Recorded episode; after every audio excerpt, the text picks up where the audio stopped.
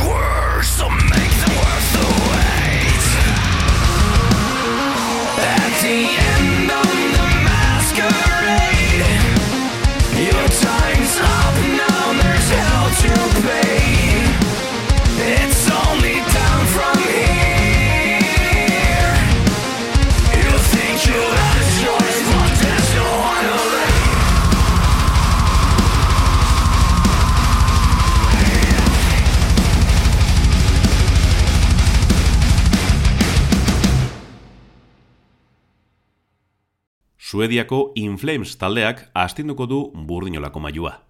Foregon disko berriarekin zeresana ematen ari dira. Melodez sustraietara itzuli direla diote batzuek, baina beste asko ez daude horrekin ados. Euren diskografiaren errepasoak hori argitzen lagunduko digu. Lanberriko Meet Your Maker kantarekin hasituko saioa. Jesper Stromblad musikari suediarrak larogeita amarrean sortu zuen Inflames banda, proiektu paralelo moduan.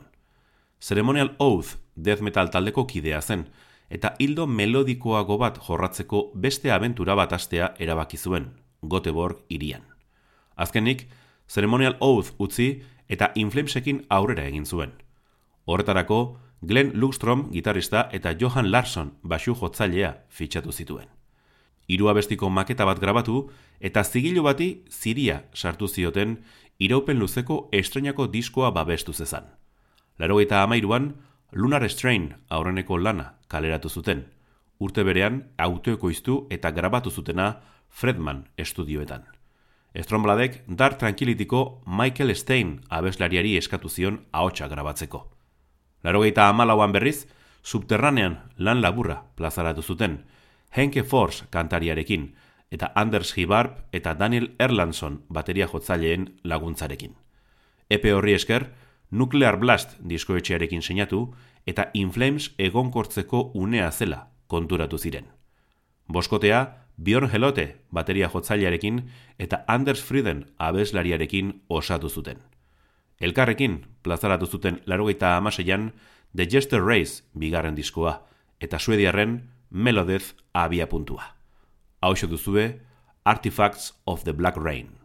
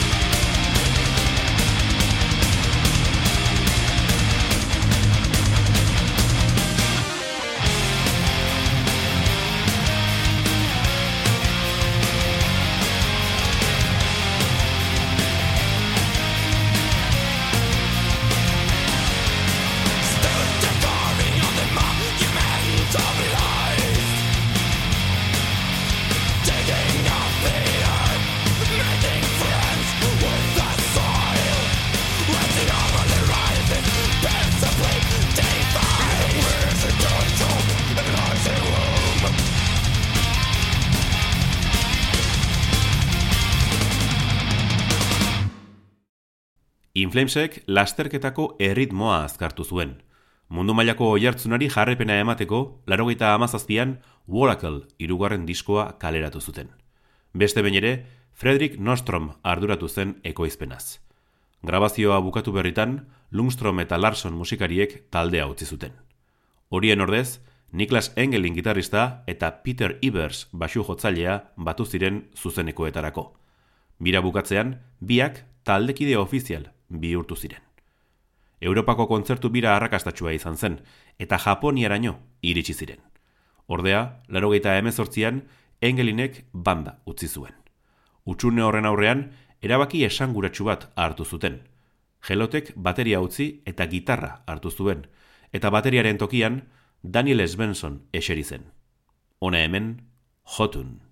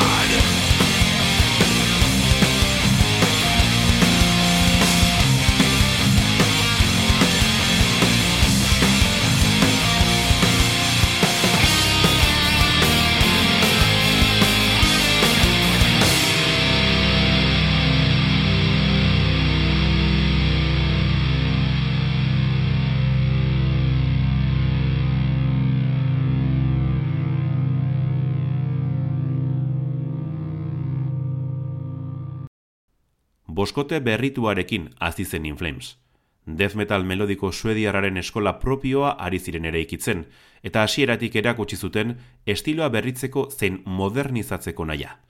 Bide horretan, urrengo geltokia larogeita emeretziko koloni laugarren diskoa izan zen. Pasarte eta egitura berriak azaleratu zituzten, eta Friden abeslariak bere garapen propioa bultzatu zuen. Hau duzue, Scorn.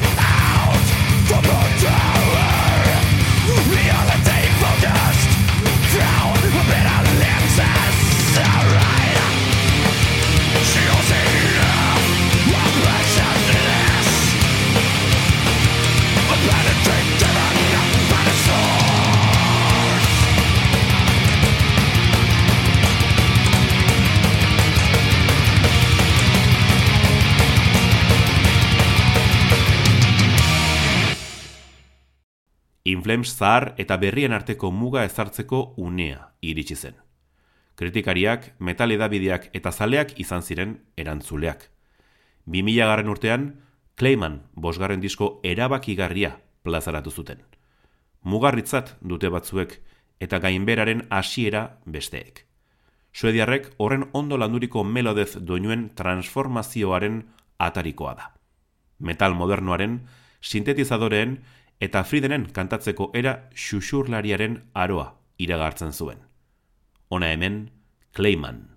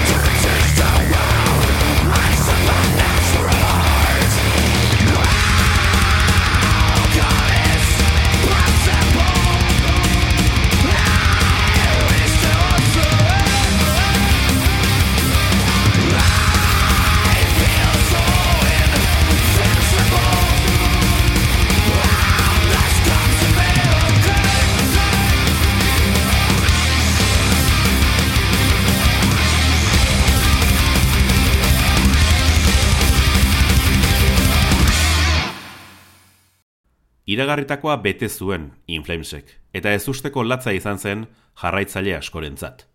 Gurutzatu ezin zuten marra gorria gainditu zuten joera modernoaren alde eginez. Horren ondorioa da, 2000 eta biko Reroute to Remain seigarren disko arriskatu bezain ausarta. Gauza asko aldatu zituzten beste dimentsio batera eramateko urtetan berritu zuten death metal melodiko suediarra. Austura moduko bat da, Fredman estudioak atzean utzi eta soinu estatu batuararen bila joan zirelako.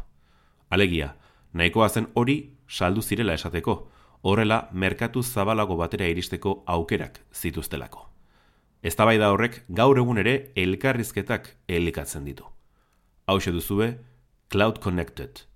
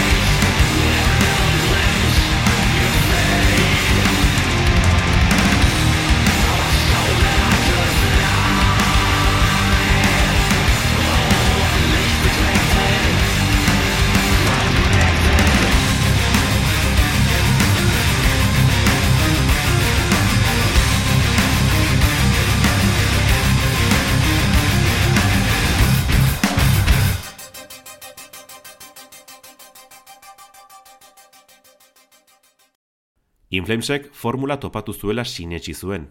Ameriketako estatu batuei begira jartzeak bere fruituak eman zituen, salmenta oparoen zaporekoak. 2000 eta laugarren urtean plazaratu zuten Soundtrack to Your Escape diskoak islatzen du ondoen, suediarren amerikanizazioa. Are gehiago, Ameriketako estatu batuetan eun mila ale saldu zituzten kolpetik, eta euren ospea ikaragarri azitzen lurralde hartan. Modernizatu egin ziren, eta horrek zale zahar gehiago galtzea ekarri zuen. Hona hemen, My Sweet Shadow.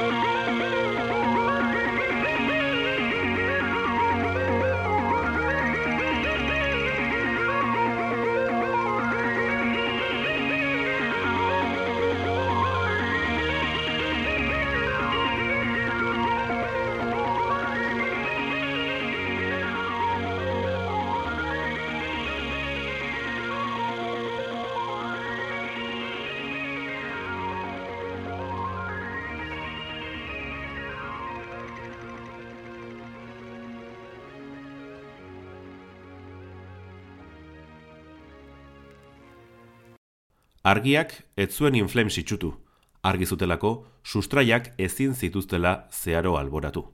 Horregatik, 2006ko Com Clarity zortzigarren diskoak atzera begirako ugari ditu. Melodez modernizatua da oinarria, baina izaera klasikoa ageri da abesti batzuetan. Beraienak baino ez diren melodiak indartu zituzten, ikur gisa mantendu zitezen. Hau duzue, Take This Life.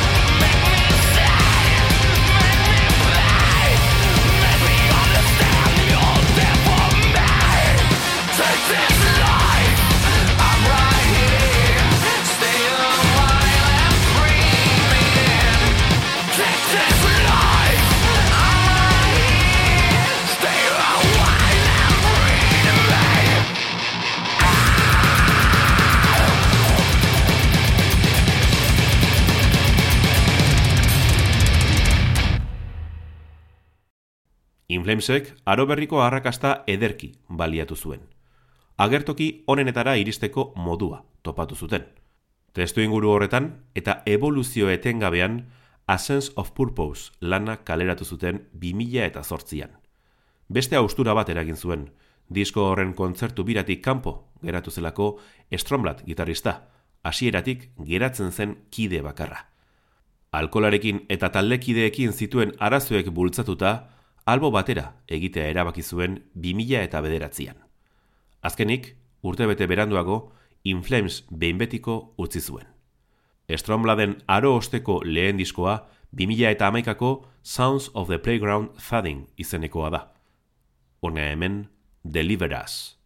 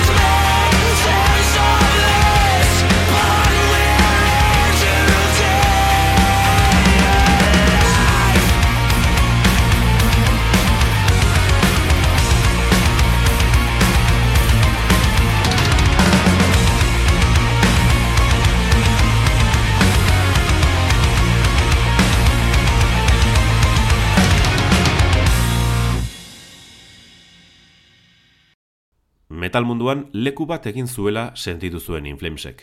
Lizentzia propio asko hartu zituzten, kontzertu birak egiteko eta metal jaialdi esanguratsuetan parte hartzeko ibilbidea egina zutelako.